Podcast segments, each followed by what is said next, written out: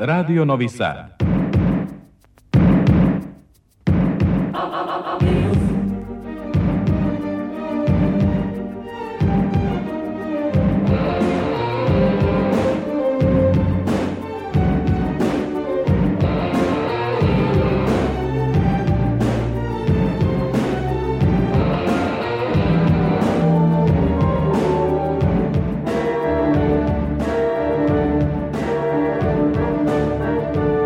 Spektar.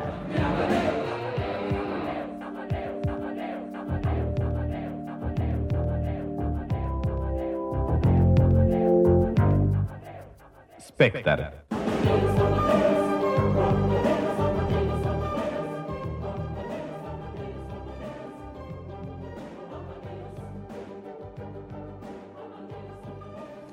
Dobro večer. Ja sam Tatjana Novčić-Matijević. Počinje Spektar, magazin za kulturu Radio Novog Sada. Srpska kinematografija i kultura ostala je bez velikog Srđana Koljevića. Scenarista i reditelj otišao je prošlog vikenda nakon duge i surove bolesti. Pre dva dana od njega su se oprostile kolege i poštovaoci i juče je sahranjen u aleji zaslužnih građana. In memoriam velikom umetniku Otvaramo arhivskim snimkom dela razgovora Aleksandre Rajić sa Koljevićem o njegovom poslednjem filmu Branio sam mladu Bosnu pre devet godina. Ove i prošle godine dosta je relevantnih i knjiga i drama na temu stogodišnjice Velikog rata, pa evo recimo između ostalog Milana Marković se naravno pita u svojoj drami šta je laž, e, odnosno šta je istina i je li sve to laž na samom početku drame. Ja bih rekla da ste vi tu istinu pokušali da dobijete iz jednog drugog ugla, zapravo iz ugla nekoga ko nije atentator, da, da, nije član nego, nego neko ko je založio samo svoje lično poštenje, intelektualno poštenje i svoj integritet. Upravo to, jer je to vrsta advokata, odnosno branilac po službenoj dužnosti, advokatski kandidat eh, Rudolf Cistler, koji je tu je bilo više motiva. Prvi motiv, o, to je zaboravljeni heroj ovog procesa. I bilo je divno kad odikrijete u istoriji nekog heroja koji je nepoznat. Mi kad smo počeli da se bavimo i u, u krugovima Srđanom Aleksićem, on nije bio poznat. Srećan, hvala Bogu, posle njegovog herojstva pozna, prepoznato i tako dalje. A i u ovom moć filma. A, ali i pre film, pre nek što je film realizovan. Ali ovaj, i u ovom slučaju imamo tu vrstu da jedan čovjek rizikuje svoj život po onome što smatra da je univerzalno ljudski ispravno, bez obzira na posledice. I ono što je bilo interesantno ovaj film, upravo to što ste rekli, da sagledamo tu priču ne mi kao mi, nego iz iskosa sa strane, iz vizure nekog ko je poluaustrijanac, poluhrvat i ko se rukovodi samo svojim ličnim individualnim moralom.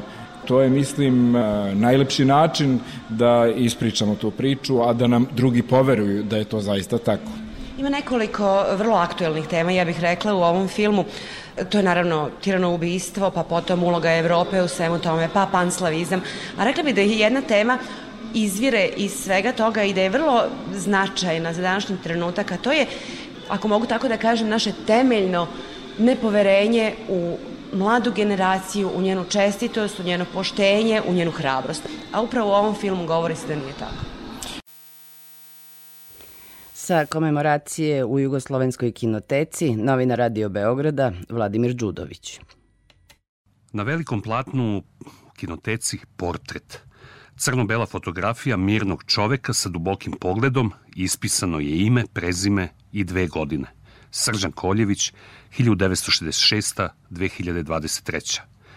Rođen poslednjeg dana 1966. godine, Srđan Koljević, sin čuvenog profesora Nikole, odavno je zaslužio mesto u svakoj enciklopediji filmske umetnosti u južnih Slovena.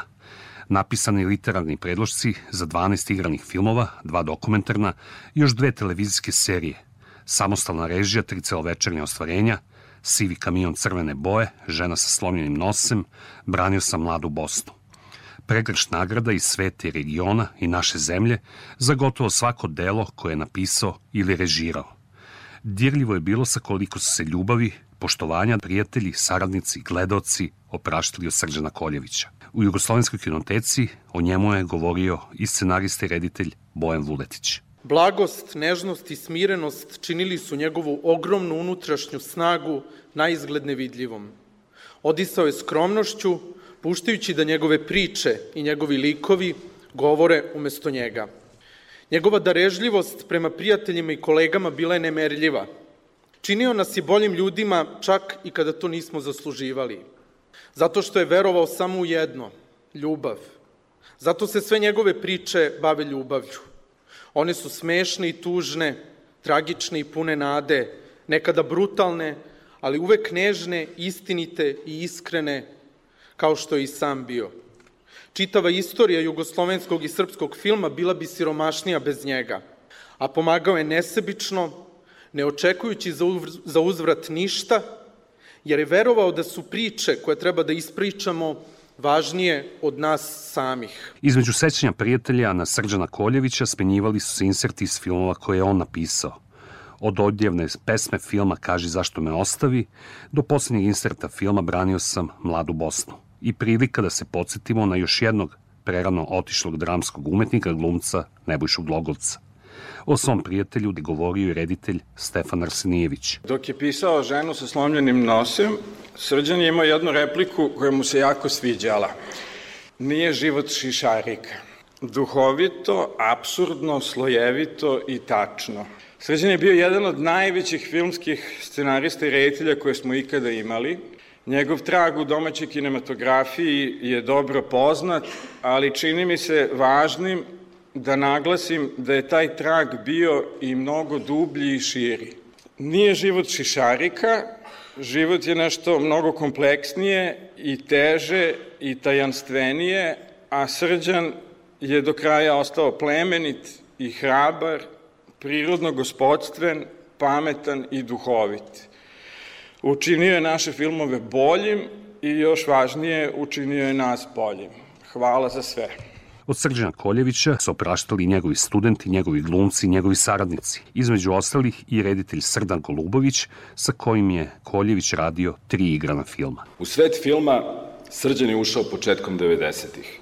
S filmom Kaži zašto me ostavi, koji je radio sa svojim prijateljem Olegom Novkovićem. U vremenu post-jugoslovenskog filma Srđan je bio jedan od redkih ljudi koji je živeo isključivo od pisanja filmskih scenarija. Njegovi filmski junaci su bili slični njemu, kao što često biva kod autentičnih umetnika. Jednostavni, nenametljivi, duhoviti, topli, obični ljudi. Sa osmehom i kada nose tugu. Junaci diskretnog, melanholičnog humora. U srđanovom humoru su se spajale dve gotovo nespojive stvari. Subtilna ironija i neizmerna toplina. Takav je bio srđan gospodin sa kaubojskim šeširom i osmehom. Veliki filmski scenarista, reditelj, mentor, odmereni, a neprikosnoveni autoritet, profesor. Iza Srđana Koljevića ostalo je veliko delo, dve kći, desetine studenta kojima je bio profesor i mentor. 12 celovečernih filmova, dve serije, ali i mnogo neispričanih priča kojima je davao nadu svakom gledalcu da ljubav i dobro ipak pobeđuju u današnje vreme.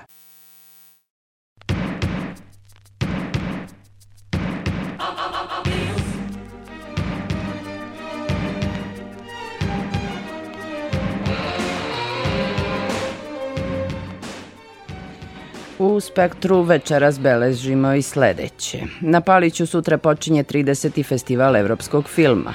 U Somboru se priprema velika izložba Pokuše emancipacije 80. Zoltan Radić, Dragan Rakić, Dragan Pantić, a bit će reči i o arhitekti Dragiši Brašovanu.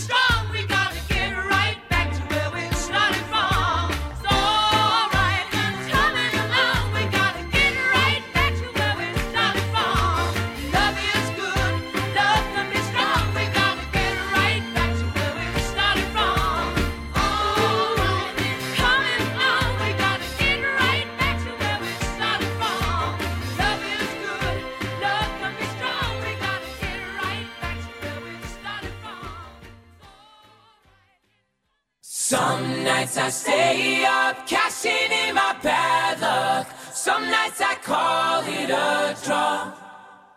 Some nights I wish that my lips could build a castle. Some nights I wish they just fall off.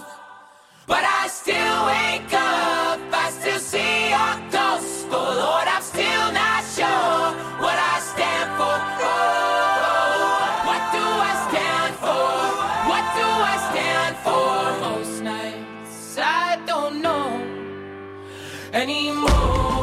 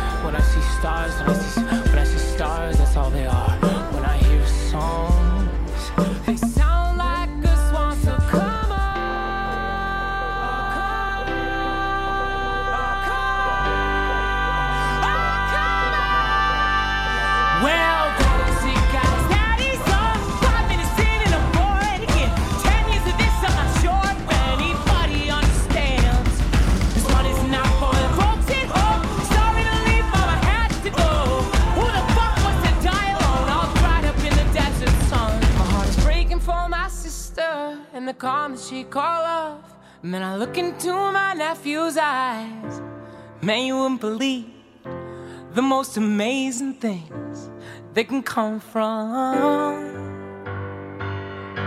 Some terrible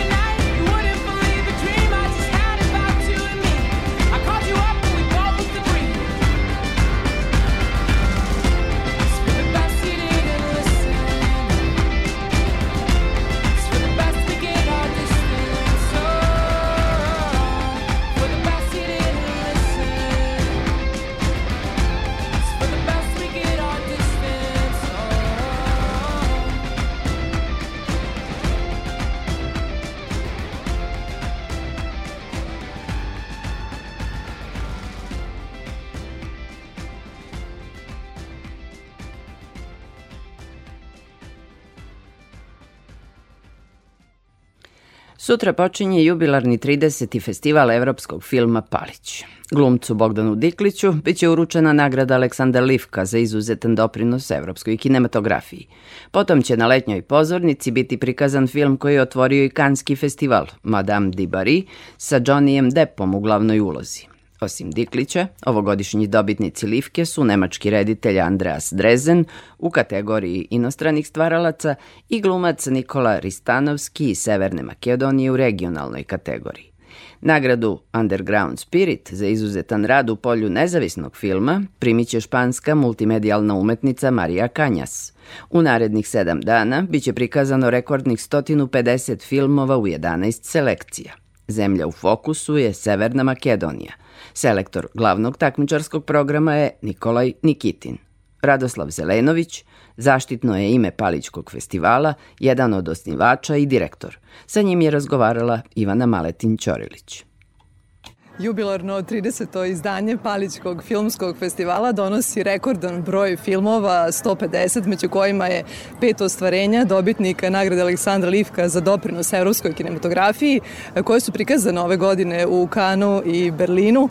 Da krenemo od njih. Svake godine i okosnicu festivala čine upravo Berlinski kanski festival, nešto malo Karlovi Vari, međutim, bez obzira na to, vi na tim festivalima ne možete da sakupite 150 filmova, pogotovo ako imate 16 programa i pogotovo ako su programi na Paliću počeli prvog, pa drugi deo programa počinje osmog, zvanično on što se zove glavni program i paraleli sudari počinju 15.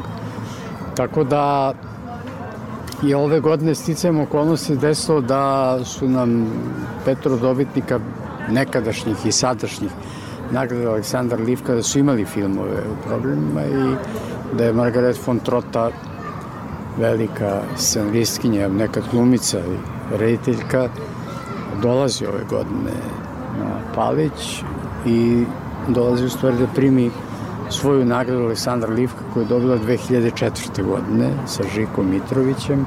Kad jednom damo nagradu, dok ne dođu, mi ćemo i da prikazujemo filmove i sve ostalo. To je jako važan moment. Vi sad kad pogledate istoriju Paličkog festivala, on je svojevrstan dokument. U vremenu u kome je nastao, on je nastao u jako lošem vremenu, 92. godine. Ja sam napustio lagodno mesto urednika filmskog programa televizije Beograda da bi otišao u kinoteku gde je stvarno bilo jako, jako strašno. Pa malo mi je to bilo, nego me Blažo Perović još nagovori da pravimo međunarodni filmski festival dva meseca pošto su uvedene sankcije. Dakle, sa zatvoreni ste sa svih strana, a sve što vam treba, u stvari treba da dođe iz inostranstva. Bilo je jako turbulentno. Ja sad kad sagledam, prosto mislim da je malo ko verovao da mi možemo da nastavimo sa festivalom, da ćemo se brzo ugruvati. Ne bi baš svi mnogo žalili. Mislim da mi neki to sa velikim olakšanjem prihvatili da nije bilo festivala, međutim, bilo ga je. Prvi deset godina smo lutali, tražili, 96. godine nije bilo festivala, 97. godine prikazan prvi put hrvatski film što kaže Vinko Breša, ne znam ko se više uplašuje, ja što vam dajem film ili ti što ga prikazuješ. Uh, 2000. godine je ustanovljena nagrada Aleksandra Livka koja je već postoja, ali ovog puta kao nagrada za životno delo. Ključna godina je 2003. kada smo posle 10 godina lutanja odlučili da prvo smo bili nacionalni, pa internacionalni, pa jedan žiri, pa drugi žiri, za sve to, da postavimo festival evropskog filma. To je bilo ogromno iznenađenje, jer evropski film nije imao neku reputaciju. Ja znam, kinoteci staviš evropski film, besplatan ulaz, pa dođe 10 ljudi, ako dođe toliko. Međutim, ispostavili se da to bio dobar potez, jer Subotica kao više nacionalna sredina ima interese i za slovački, i za ruski, i za hrvatski, i za mađarski film koji je jedna od konstanti našeg festivala svih ovih 30 godina se pojavljuje. I onda se desilo nešto još zanimljivije, 2017. godine da je Evropska unija Palički filmski festival proglasila za najbolji filmski festival u Evropi. Sad možete misliti zemlja koja nije članica Evropske unije ima Evropski filmski festival, pa još dobije nagradu da je taj festival najbolji. Veliko priznanje. Da, veliko priznanje. I prekretnica. Pa u razvoju znate šta vam da, kažem, tih priznanja u sobstvenoj sredini nema. Dobili smo nagradu Privredne komore skoro što je u redu, ali znate, nagrade nisu beznačajne u smislu da One su neka vrsta retrovizora. Posle 30 godina vi možete da pogledate, ali naša nagrada u stvari jeste tih nekoliko stotina hiljada gledalaca koji su dolazili ovih godina, hiljade filmova koji su prikazani, da je to postala važna važno mesto na karti filmskih festivala i kulture u Evropi. Da su nam došli najznamenitiji autori, da nam u žiriju bio jedan predstavnik Venecijanskog filmskog festivala i tako dalje i tako dalje i da je taj festival ostao jedna vrsta susretišta, filmova, autora, publike sa razgovorima koji su izuzetno bili važni jer su filmovi inicirali da se govori otvoreno i kritički o vremenu u kome živimo. Mislim da je to jedno od najvećih kvaliteta našeg festivala. On nije bio nikad beskrajno svečarski, niti je bio zvezdaški. On je zadržao taj svoj kulturno-filmski karakter i nadam se da generacije koje dolaze posle nas da će imati, rekao bih, dobar osnov da taj festival ostane tu gde jeste i naravno ne sme da ostane tu gde jeste, mora da bude nadograđen nekim novim sadržajima. Ovim momentalno ima 16 programa, to je veliki broj programa, to je veliki broj filmova, to je veliki broj autora, ali kako se festival uvećavao, tako se Palić menjao i Mala gostiona i festivalski centar i Abazija koja je bila već propala i velikna pozornica. Obnavljali se. Tako da se obnavljalo, ima tu posla, da se razumemo, ali ono što je najvažnije, to je, to je presek jednogodišnje produkcije onog što je najbolje u evropskom filmu odmah posle tih nekih festivala i nekih važnih to su znači premijerna prikazivanja vi ste u situaciji da na Paliću sedam dana napravite taj put oko evropske zajednice i vidite šta je to najzanimljivije kad je film u pitanju odnose na Evropu. Da, na otvaranju festivala evropskog filma Palić biće prikazan film koji ima privilegiju da otvori Kanski festival Madame de Bari sa Johnnyem Deppom ili e, ostvarenja sa najprestižnije filmske smotre čine i okosnicu ovogodišnjeg programa. Pa Drezano film je prošle godine otvorio. Drugi put za redom. Da. To nije ništa neuobičajeno. Ne igramo na tu kartu. Može da se ne dopadne publici. Mm -hmm. I, nije, I to se dešavalo. Jer evropski film, to, to sam ne jednom čuo kada izlazi publika, kaže, jao, to je dobar film, ali što je težak, nije težak film. A film je neka vrsta refleksije života i onoga što nam se u životu dešava.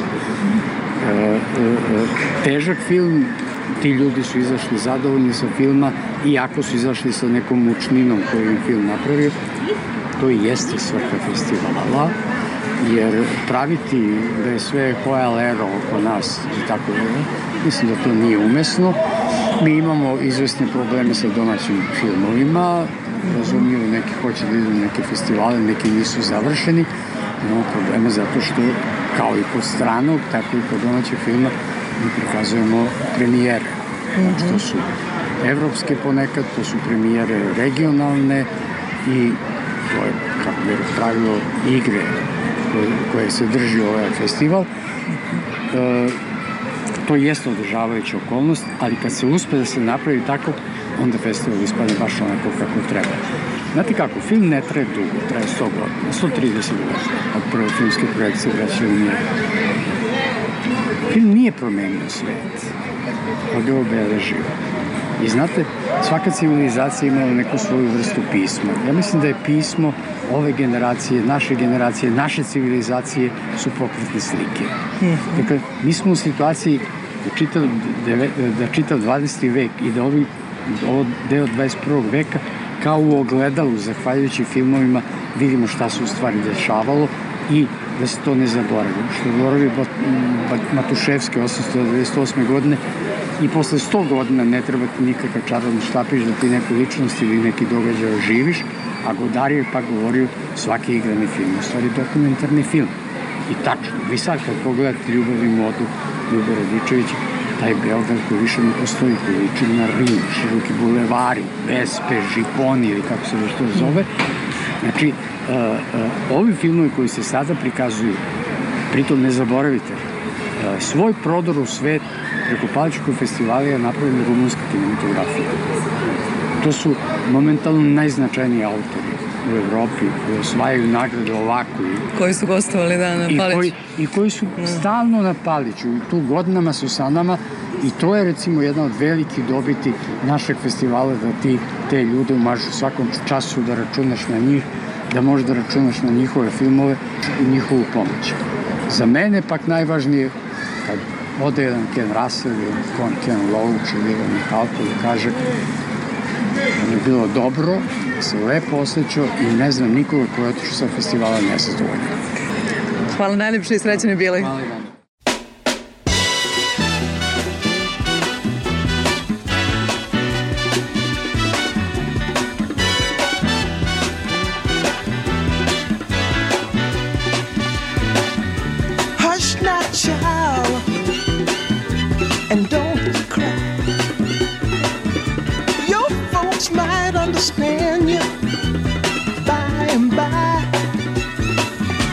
Just move on up toward your destination. Though you may find from time to time complication.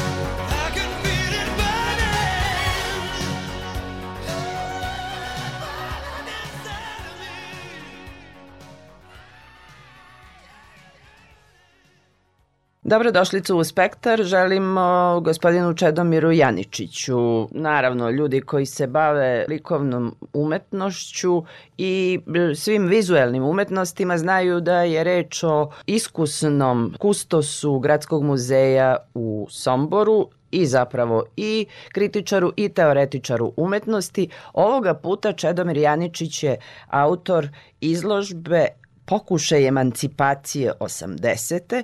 Gospodine Janičiću, dobrodošli i sad ja vas molim da vi nastavite šta se krije iza ovog naslova. E, Samo bih da dopunim e, sam naziv izložbe uz ovaj pokušaj eman- emancipacije 80. Dodao bih i tri imena o umetnika o kojima se radi. To su Zoltan Radić, Dragan Rakić i Dragan Pantić. I onda je to puno ime i prezime same izložbe. Cilj je da kroz produkciju ova tri navedena umetnika tokom 80. godina pokažemo primere nove umetničke prakse u Somboru koja je komunicirala tada i sa e, drugim većim centrima, ali u velikoj meri je bila i autohtona.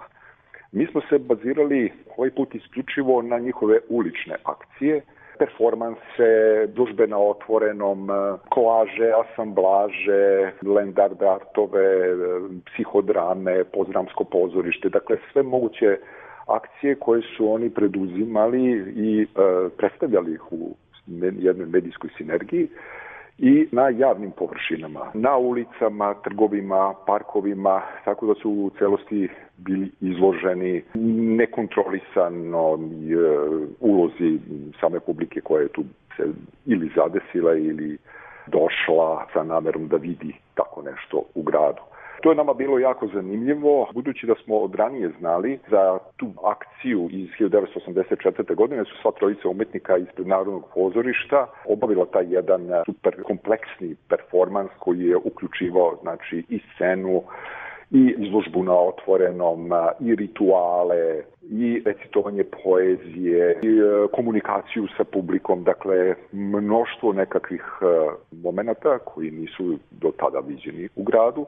I nažalost e, ta akcija ostala negde nezabeležena. A ni ovim drugim akcijama koje nisu bile toliko baš posećene kao ova. I onda smo mi odlučili da ih skupimo sve na jednom mestu, da ih istražimo, da skupimo svu dokumentaciju, fotografije, filmski i drugi materijal i probamo da kroz znači same te artefakte i dokumenta, ali i delom i samim ambijentom koji smo mi zapravo ovde napravili, dočaramo kako je to se zajedno izgledalo tih 80. godina, I te sad- poslednje Da, da, izvolite.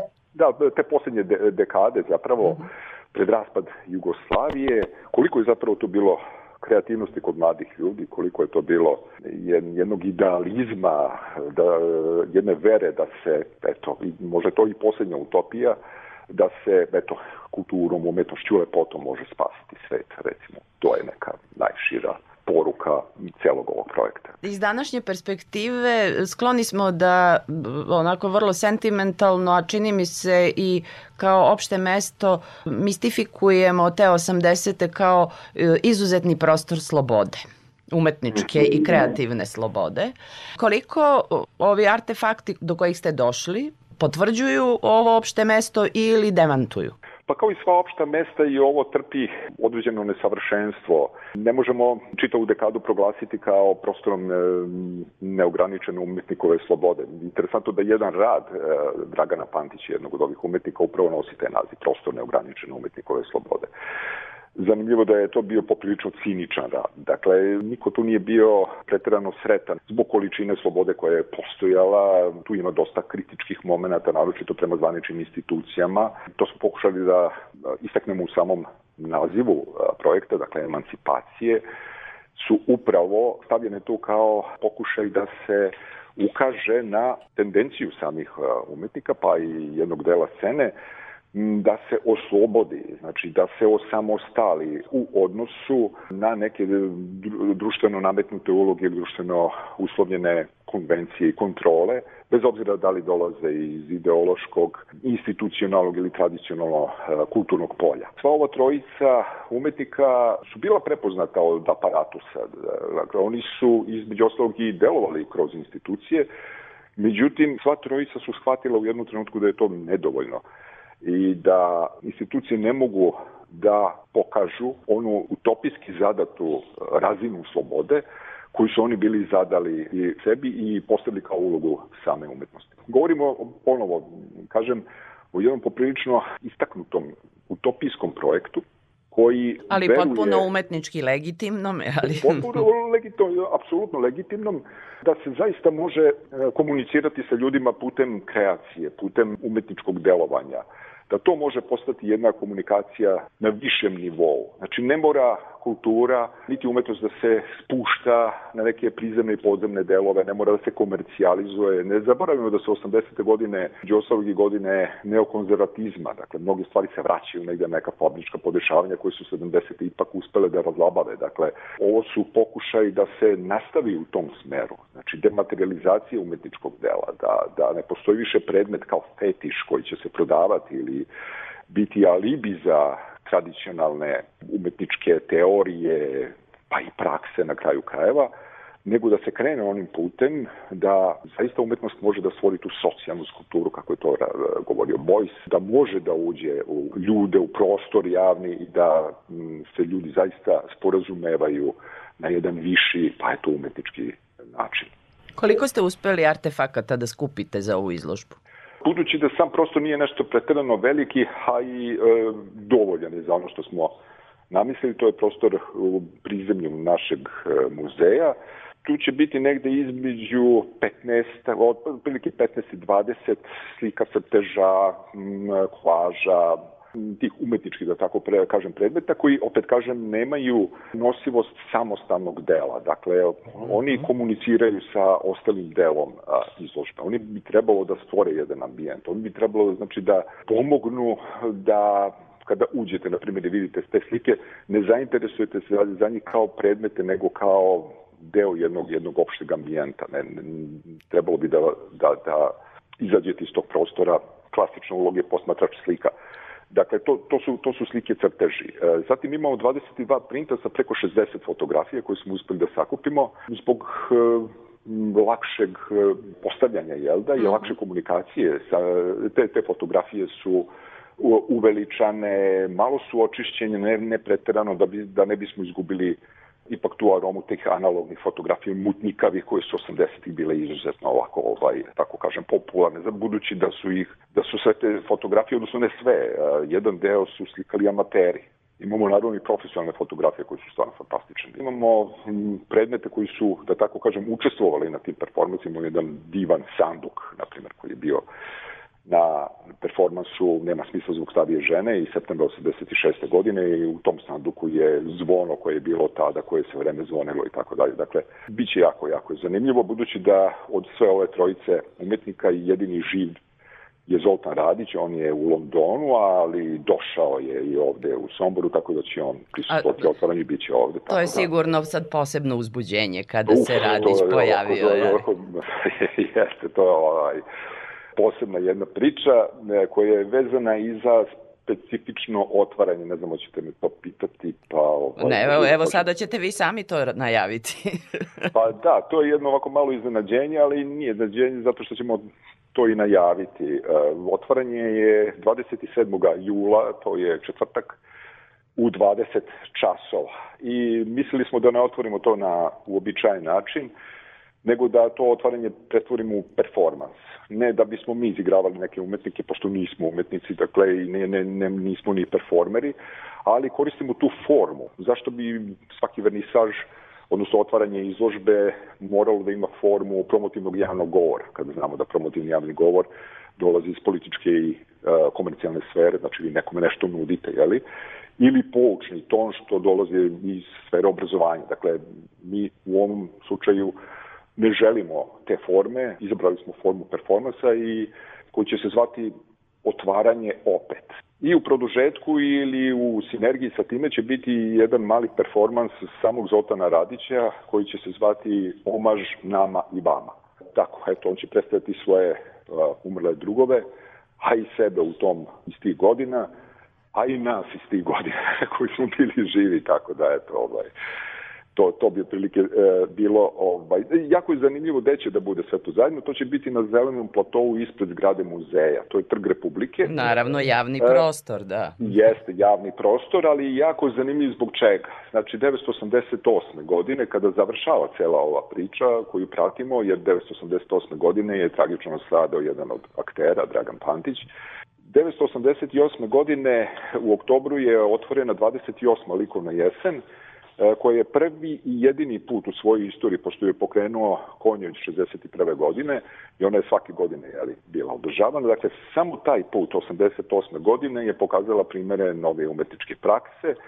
To je bila izložba umetničko-etičko, koji je koncipirao Andrej Tišma iz Novog Sada, I onda su tu bili Ilija Šoškić i Marina Abramović i tako dalje, znači bilo jako, jako zanimljivo. I na, upravo na tom prostoru, znači pre 35 godina, je ta likovna jesen otvorena performansima Ilije Šoškića, Vlasti Delimar i Dragana Mojovića. Onda ćemo, to, to je otprilike to čitanje između redova, koje je bilo isto karakteristično za 80. tako da ćemo ponoviti m, ne te performanse, nego ponovit ćemo formu otvaranja performansa. I posle toga, znači, mm -hmm. ulazimo u prostor same izložbe i posle toga za eto mlađu publiku, nadam se da se neće smoriti celom ovom pričom, imamo taj parti umesto koktela, eto 80. sa balonima, koktelima, probat ćemo da, da ubedimo ljude da donesu nešto iz 80-ih ili neki deo odeće ili neki predmet, tako da bude malo ovako opušteno i veselo i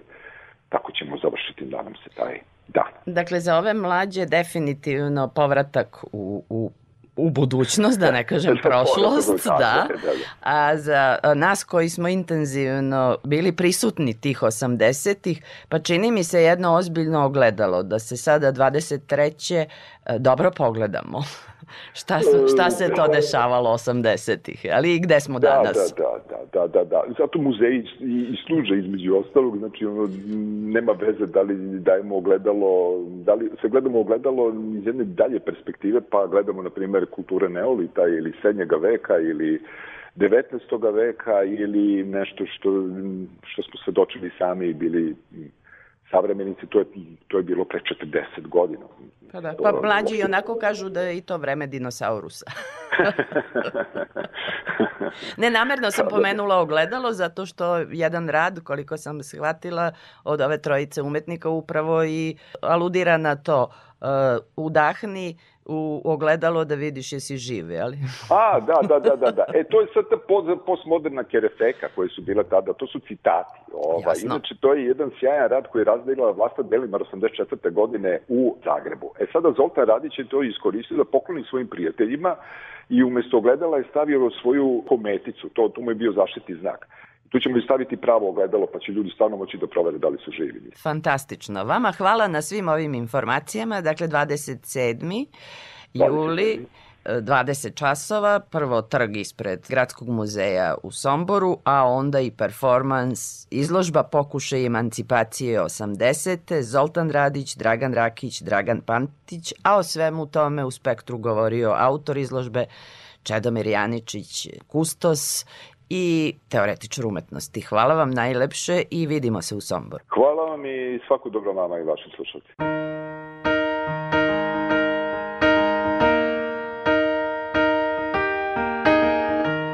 Where is the moment we need it the most? You kick up the leaves and the magic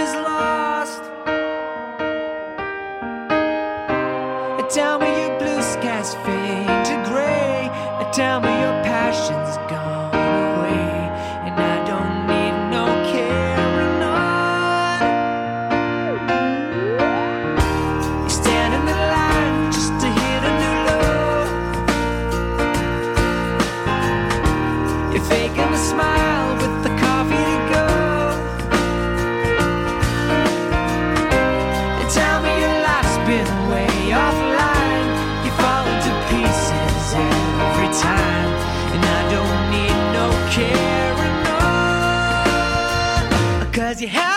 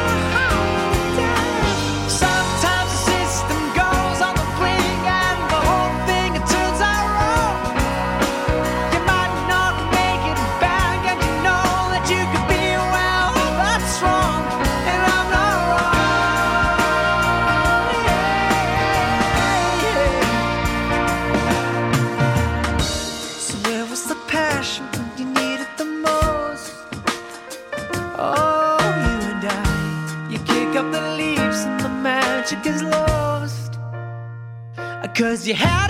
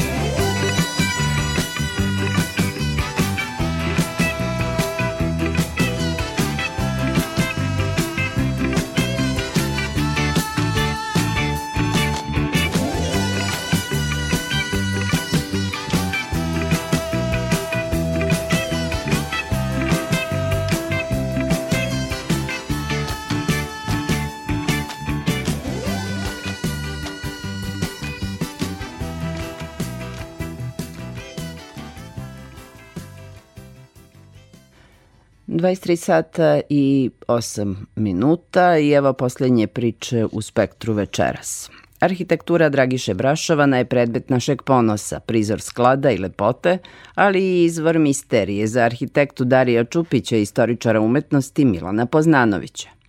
Desetak godina istraživali su Brašovanov paviljon Kraljevine Srba, Hrvata i Slovenaca napravljen 29. na svetskoj izložbi u Barceloni.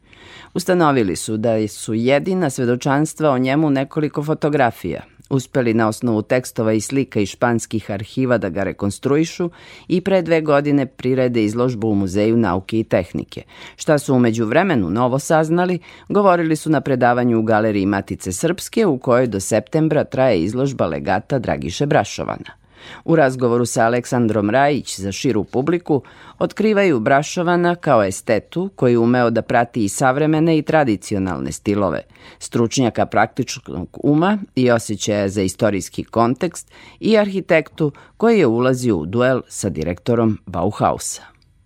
Odakle uopšte tajna u vezi sa Brašovanevom izvedbom našeg paviljona na svetskoj izložbi 1929. godine u 21. veku, ili kada se sve zna. Kako ste uopšte došli do, do toga da nešto zapravo označite kao tajnu?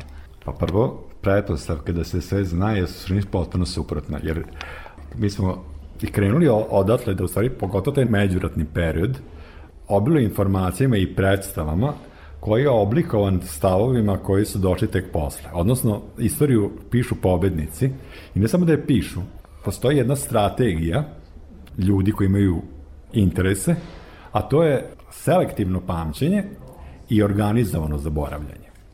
Iako je taj paviljon između dva rata bio veoma poznat, jedna anegdota koja je vrlo karakteristična za tu priču o bračnom paviljonu je da je Brašovan ispričao u jednom intervju četiri meseca pred smrt za novinara Duge o, o svojoj prošlosti, pričajući o svojim objektima, tu jednu anegdotu da mu je vrlo drag, nabravići neke svoje vrlo drage objekte i taj a, paviljon.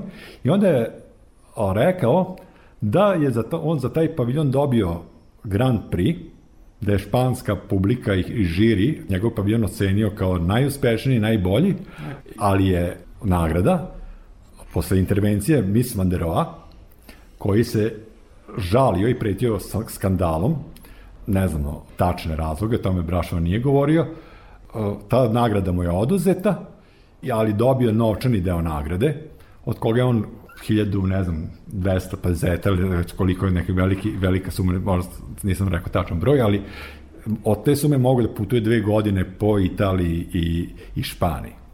E, ono što je takođe jedna od, od zabluda, pošto je Miss Van der paviljon kultna ikona arhitekture na koje arhitekti referišu kad odlaze u Barcelonu, znači kao na hodočašće.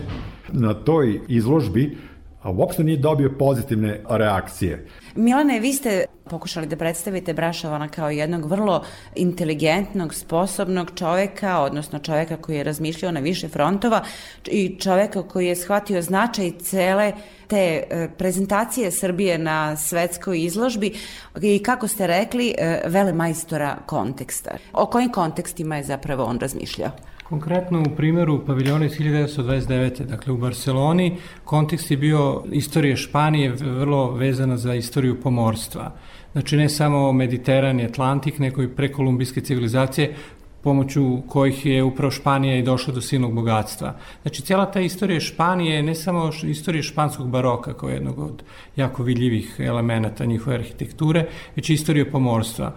Barcelona kao lučki grad je vrlo odigrao značajnu ulogu u toj trgovinskom i ekonomskom jačanju monarhije Španije. E, dakle, u tom kontekstu, u tom okviru, Braša on odaje počast španskom nasleđu upravo praveći paviljon u, u obliku abstrahovanog broda.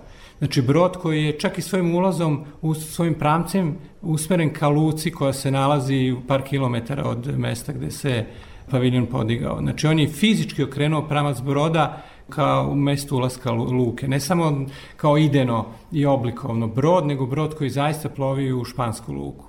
Ali kontekst je, ako sam dobro shvatila, i ta 1929. godina kada je trebalo i Srbiju predstaviti posle diktature kao jednu modernu zemlju, a kontekst je s druge strane i e, govorili ste i o tome, predstaviti i promovisati našu privredu na toj istoj e, svetskoj izložbi upravo kroz izradu e, našeg paviljona, o čemu je isto Bra- Brašovan razmišljao. Da, znači koncept je bio podignuti paviljon ne samo na licu mesta, nego mislim da je ceo koncept mnogo ispred svog vremena bio, ne samo kao e, forma kubističkog broda, već i tehničkom smislu ispred svog, svog vremena. Ono što mi zovemo danas green technologies, reuse woods.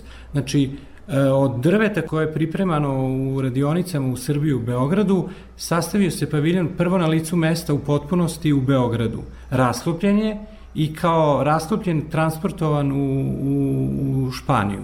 Znači, jedan fenomenalan, danas modern koncept koji je Vrašan već, već tada ono, praktikovao kao nešto... Marketinški, da. Marketinški. Ideja je bila ne samo da pred otvaranje taj paviljon bude gotov, nego da čak i to sklapanje sajma na licu mesta bude kao jedan eksperiment, kao jedan e, događaj koje je publika svaki dan mogla da prati napredovanje našeg paviljona. Znači, izlažemo materijale, izlažemo radnu snagu, izla- izlažemo, izlažemo naše znanje i umeće.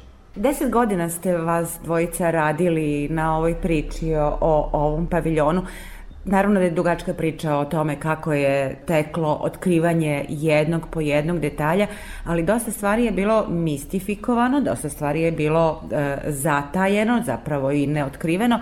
Čini mi se da ste se onako dobrim delom posvetili, ima tu i humora, ima tu i zabave, čini mi se da ste dobro zabavljali zapravo otkrivajući e, sve tajne brašovane umetnosti u Barceloni.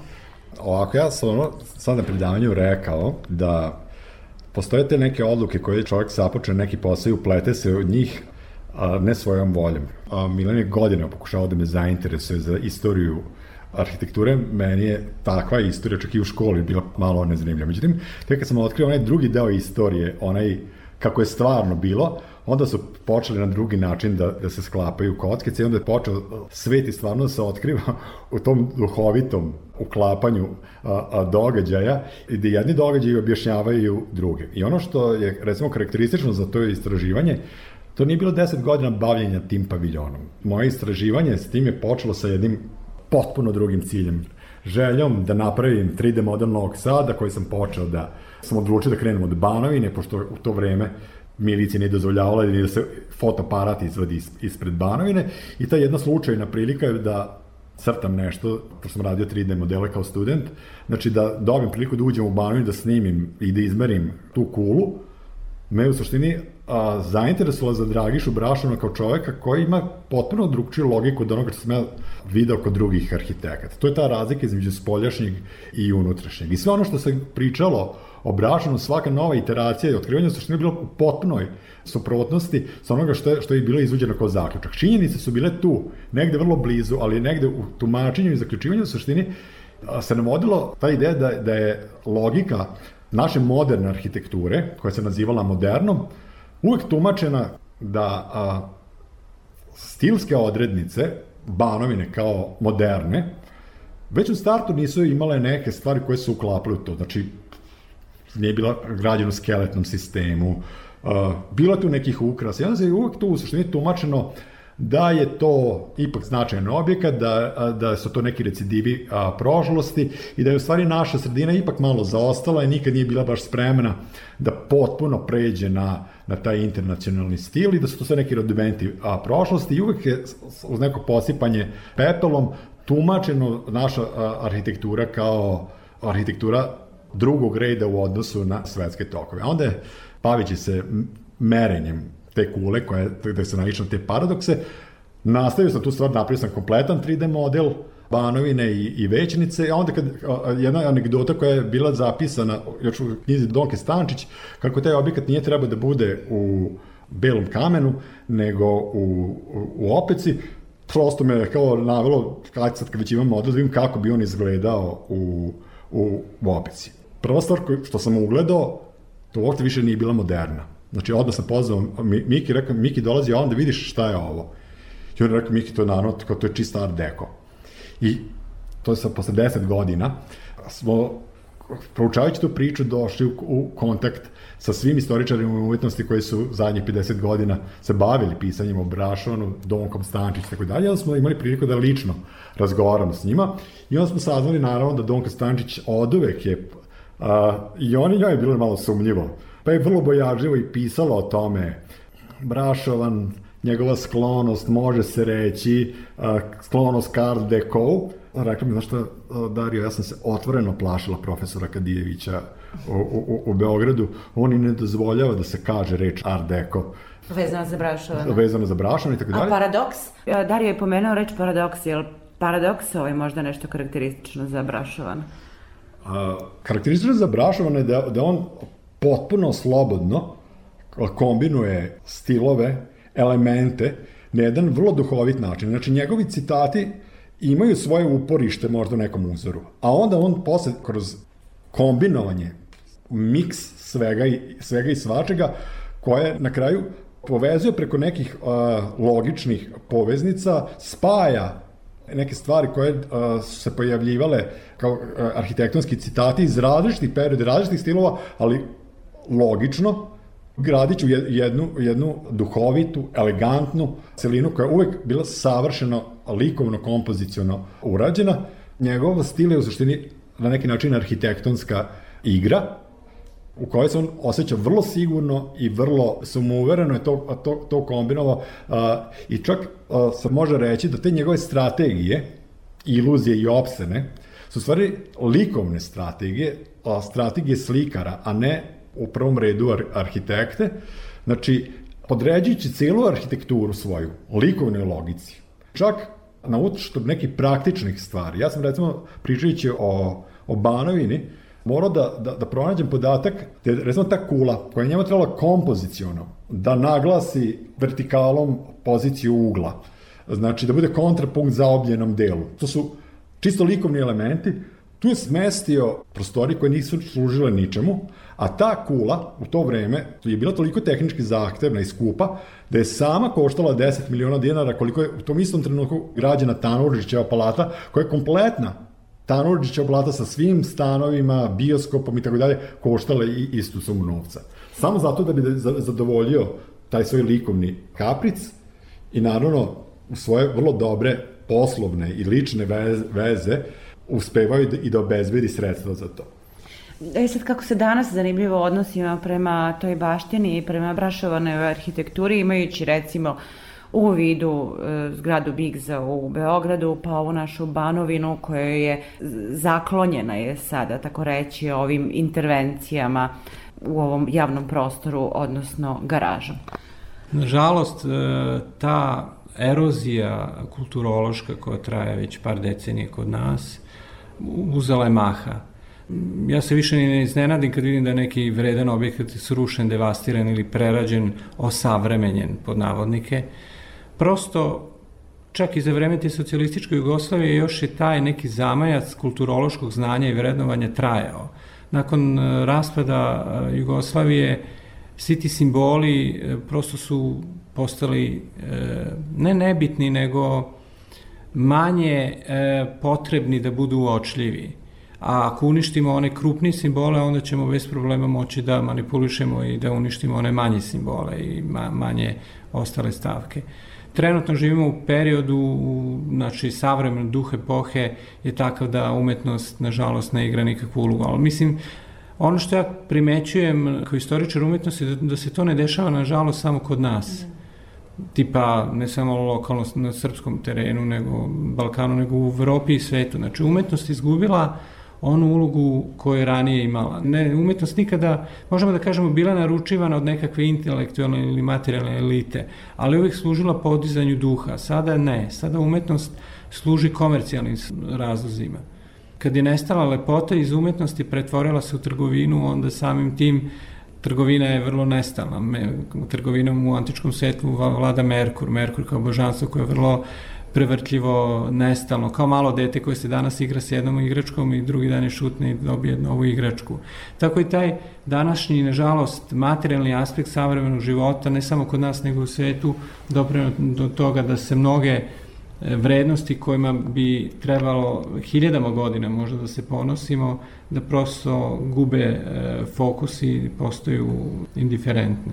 To je, ljudski stav je indiferentan prema trajnim vrednostima.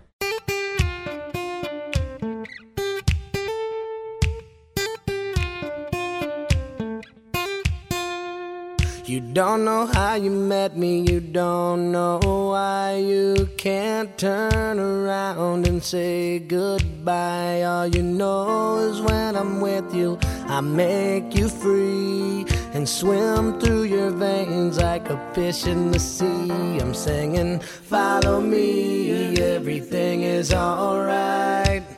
I'll be the one to tuck you in at night. And if you want to leave, I can guarantee you won't find nobody else like me. I'm not worried about the ring you wear, cause as long as no one knows, then nobody can care. You're feeling guilty, and I'm well aware. You don't look ashamed, and baby, I'm not scared. I'm singing, follow me, everything is alright. I'll be the one to tuck you in at night.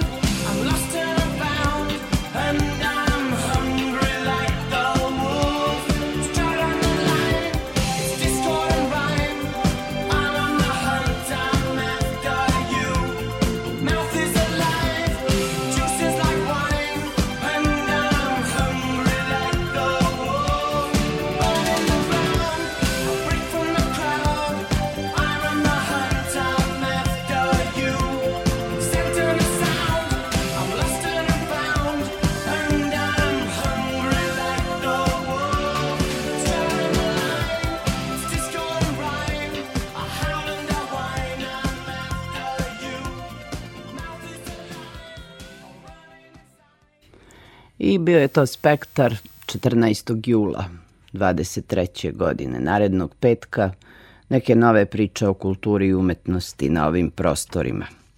I na kraju, hvala Milanu Kunderi na šali, na knjizi smeha i zaborava, naročito na nepodnošljivoj lakoći postojanja, na humoru kao moćnom odgovoru na represiju. Naučio nas je da je život negde drugde. Laku noć i dobre snove, želim vam Tatjana Novčić-Matijević. Da, i čitajte Milana Kunderu.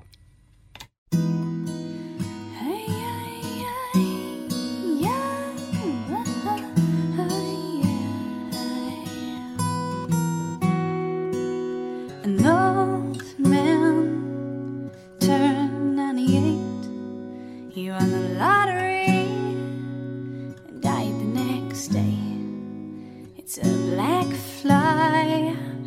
Your Chardonnay. It's a death row pardon, two minutes too late. And isn't it ironic? Don't you think? It's like rain.